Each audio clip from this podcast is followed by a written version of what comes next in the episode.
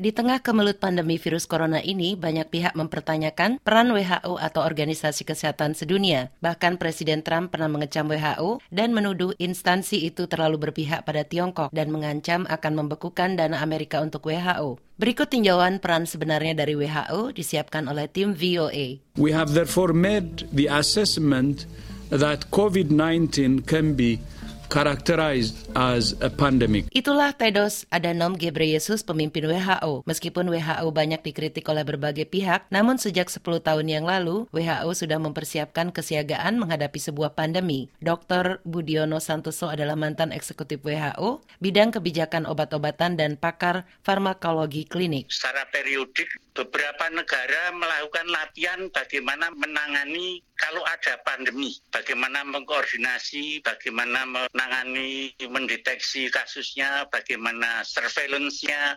bagaimana pencegahan, public health-nya sampai hal-hal yang sangat detail. Semua ada dalam platformnya. Dan menurut Dr. Budiono, negara-negara seperti Vietnam, Mongolia, dan Tiongkok yang patuh mengikuti latihan kesiagaan ini dan tingkat compliance-nya tinggi sewaktu berhadapan dengan krisis pandemi COVID-19 ini jauh lebih siap. Namun kini yang ditunggu-tunggu oleh seluruh dunia adalah pengembangan sebuah vaksin anti COVID-19 dan kembali WHO menjadi sorotan dunia. WHO bersama mitra-mitra kerjasama terdiri dari negara donor, lembaga penelitian, dan industri telah mengembangkan sebuah WHO Blueprint on COVID-19 atau cetak biru penelitian pengembangan WHO untuk COVID-19.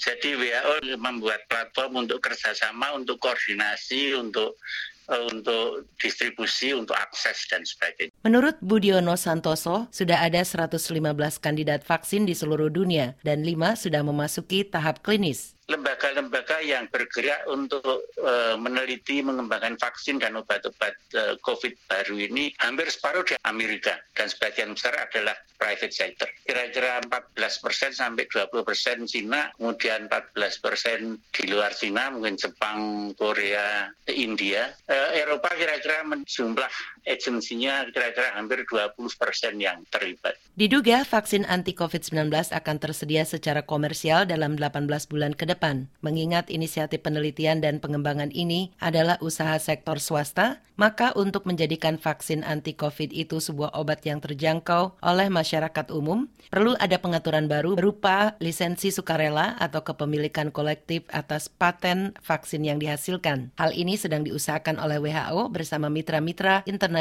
yang lain. Jimmy Manan dan Madeoni, VOA.